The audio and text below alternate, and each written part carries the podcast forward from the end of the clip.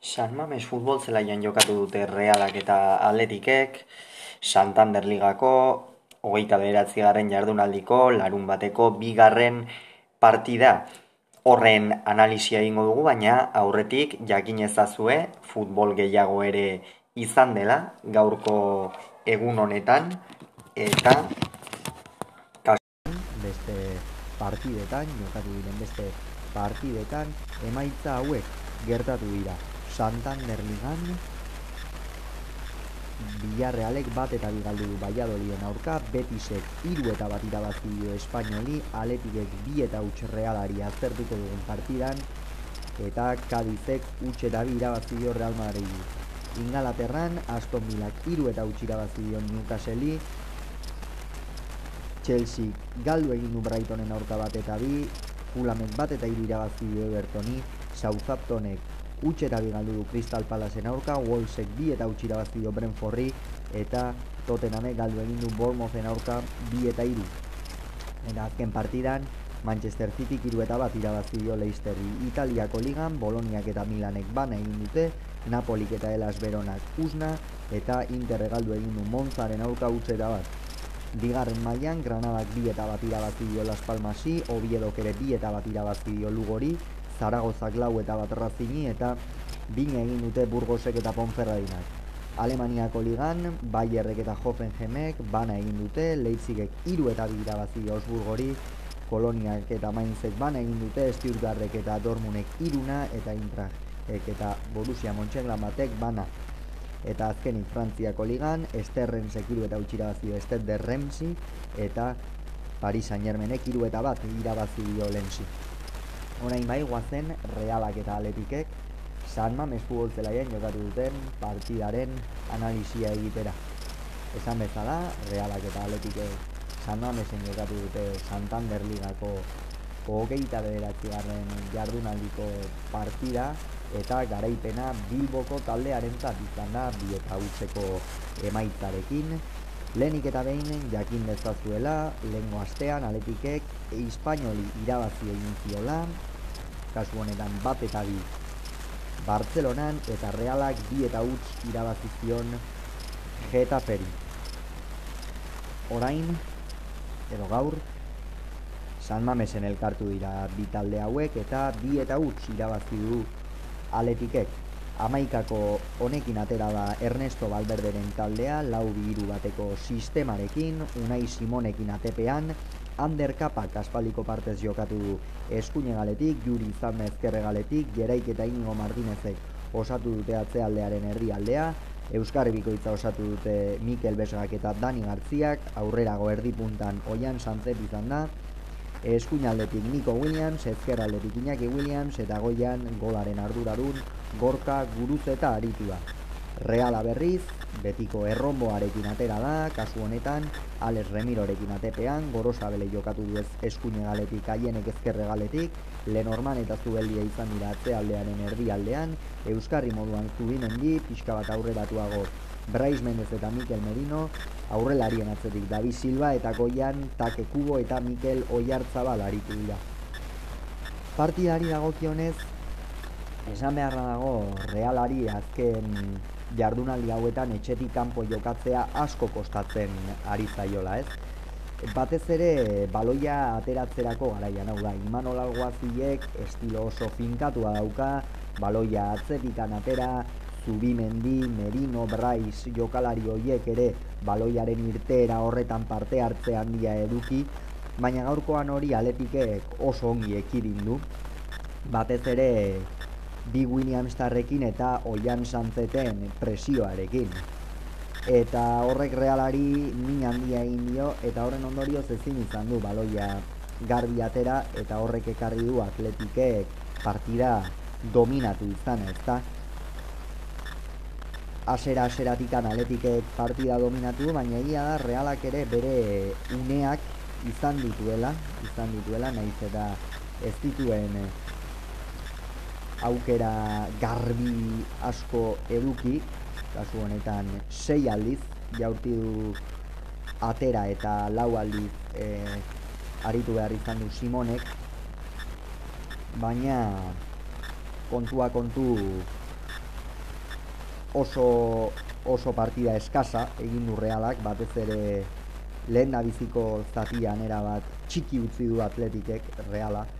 eta hogeita amairu garren minutuan korner baten ostean Iñaki Williamsek gola egin du. Esan beharra dago gola polemika handiarekin etorri dela, izan ere nik uste eta berretsi egingo dutenen eskuarekin ematen dio Iñaki Williamsek eta gol horrek ez luke balio behar, baina kontua kontu Cesar Soto grado epaileak gola eman du eta hori urrotzeko dutxa bat bezala izan da realaren zat, eta hortikan aurrera egia esan ikuste Imanol Alguazien taldea erabat izoztu egin dela, ez da? Aletik gainera dominatzen jarraitu du jokoan, erasoan zebiltzan demora guztian, Iñaki eta Niko Williamsek arrisku handia erakusten zuten, parte hartze handia guruzetak eta santzetek erasoan, eta reala pixka bat galduta zegoen lehen golorrek min handia egin dio, Silbak, Kubo, Koiartza, balek ezin izan dute euren inguru erosoan aritu eta horrek realari min handia ikeragarria egin diola esan genezake. Horren ostean, bigarren zatian, ez da hobekuntzarik izan, reala gerturatzen zen, baina aletik oso sendo zegoen atzeko lerro horretan, batez ere besgak eta bani gartiak asko laguntzen zuten, horrez gain Gerai eta Inigo Martinez oso erne, baina ia esan realak ez du minik egin, eta hori nik uste bederatzi finko bat ez delako egon izan dela, ez? Azkenean gaurkoan bigarren aldiz segiran, bigarren jardun aldiz segiran, Alexander Sorlov ez da amaikakoan izan, eta horrek nik uste realari erasan egin diola, ez? Batez ere hor behar duzulako Gerai eta Inigo Martinez bezalako erdiko atzelarien aurka jokatzeko erreferentzi bat, punta bat, non baloiak jaitsiko dizkizun, non bizkarrez beste jokalariei lagunduko dien, kasu honetan ku edo jartza bali, baina imanolek ez du horrela ikusi eta Alexander Sorloz ez du irurogeita bat garren minutura arte sartu. Gainera, irurogeita bat garren minutuan sartu duenean, handikan bederatzi minututara berriz ere sekulako despistea, behar bada aurretikan jokaldi polemiko bat egon daiteke izan ere Mikel Besgak eskuarekin ikitzen du area ertzean, baina kontua kontu hori albo batera utzita ezkerre galean non ote zegoen haien, ez? Non ote zegoen haien Iñaki Williamsen igarren golean eta batez ere Alex Remiroren kokapena ez da ona izan eta horren ondorioz Atletiken bigarren gola etorri da eta hortxe itxi du partida eta hortxe itxi dute partida zuri gorriek. Orokorrean Atletikek bazekien ze joko egin, bazekien realari non kostatzen zitzaion gehiena, bazekien realari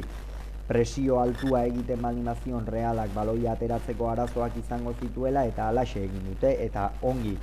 irten zaie. Realak ezin izan du bere jokoa egin, Robin Lenorman ere pixka bat galduta ikusi dugu, eta hor gero ere egon dira pare bat aukera, bai Alexander Sorlozek eduki duen bat, eta bai Ander Barrenetxeak eduki duen beste bat, bi aukera oso garbi horiek barkatu egin ditu realak, egia esan etxetik kanpo azkenengo partidetan ez da bil torteko reala, ez da Alexander Sorloz ere orokorrean azken partidetan,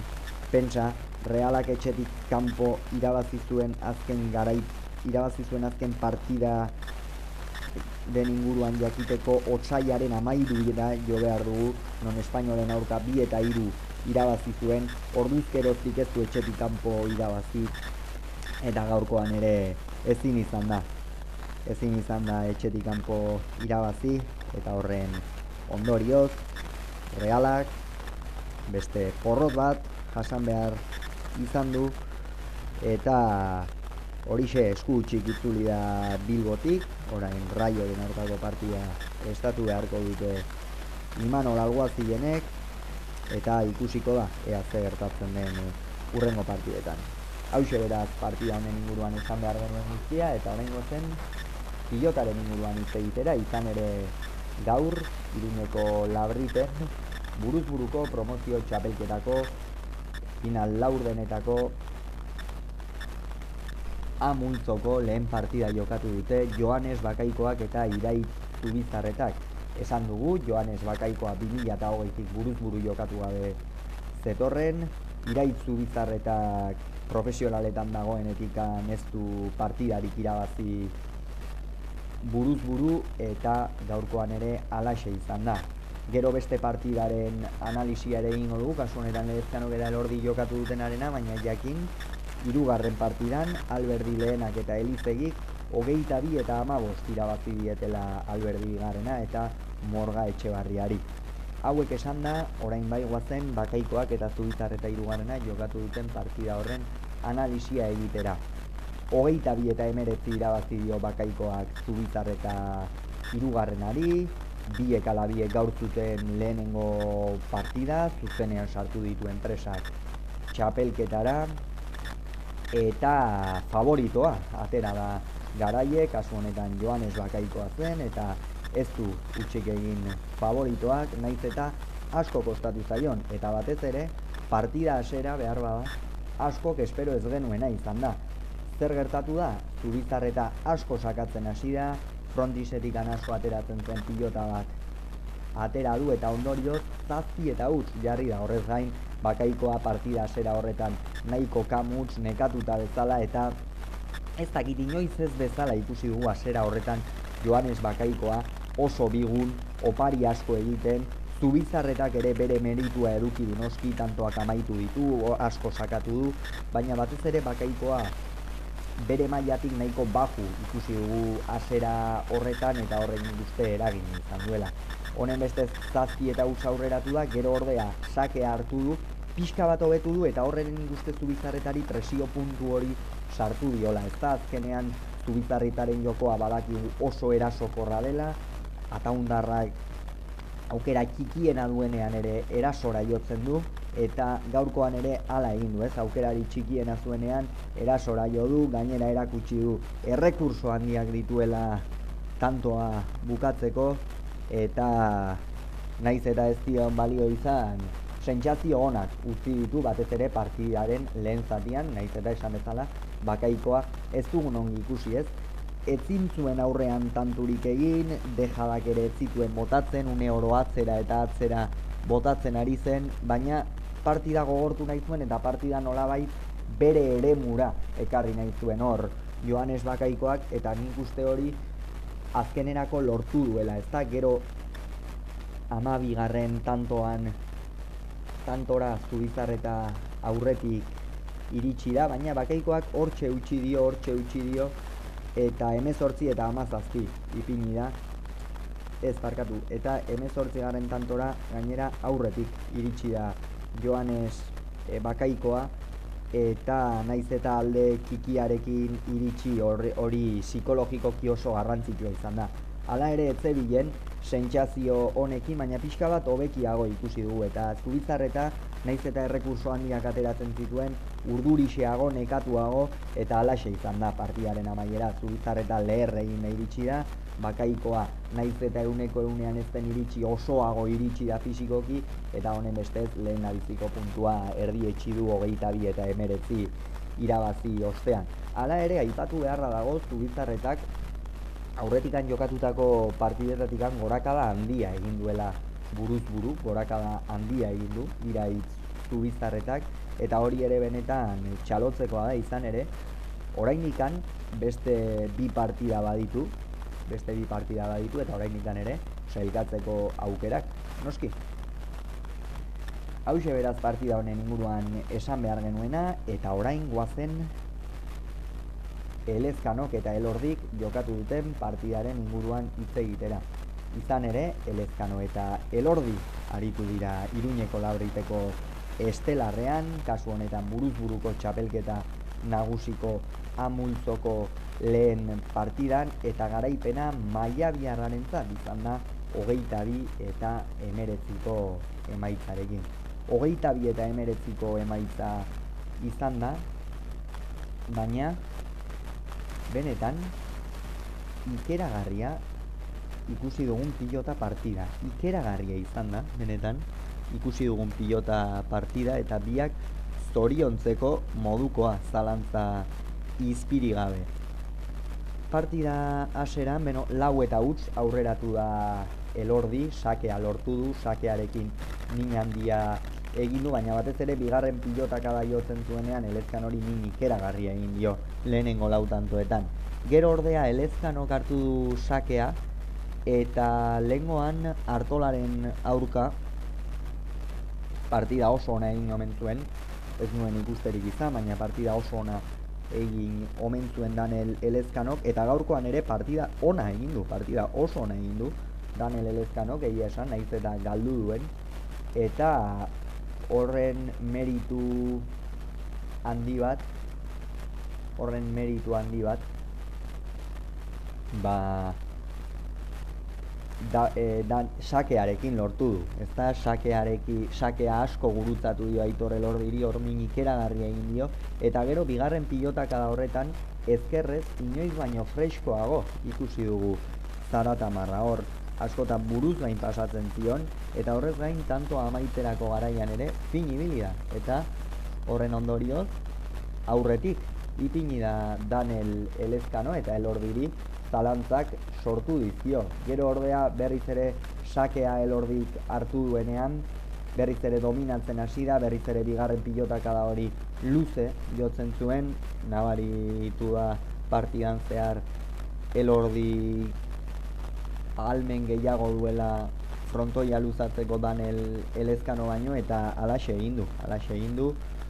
frontoia luzatze hori oso ongi aprobetsatu du baina ala ere elezkanok ez du etxi, ez du etxi, ez du etxi, eta berriz ere urreratu egin da, eta inorketzuen laukanturena baino gehiagoko alderik hartzen, eta hori izan da, gaurko partidaren gako aipagarriena, zalantza iztire gabe, beti oso parean ibili direla, azken momentura arte ez dela jakin nora joan zitekeen partida, eta benetan hori izan da aipagarria, eta hori, esan bezala, elezkanok pilotan oso ongi egin duelako, bai tantoa bukatzen, bai elordi mugitzen eta bai pilota luze jotzen eta elordik ere berea oso ongi egin duelako aukera izan duenean, hau da, bai boleaz min egin, bai frontoia luzatu, bai errematearekin tantoak bukatu, Hemenetan bete-beteko pilota partida ikusi dugu eta azkenerako elordik sakea hartu du eta elezkanok ez du ezertxo ere egiterik izan baina hogeita bi eta emeretzi eta benetan asko, asko gustatu zaian pilota partida eta nik uste ase bete gaituena zalantza izpiri gabe. Hau izan da beraz partida honen inguruan esateko genuen guztia eta gaurko atalean esateko genuen guztia.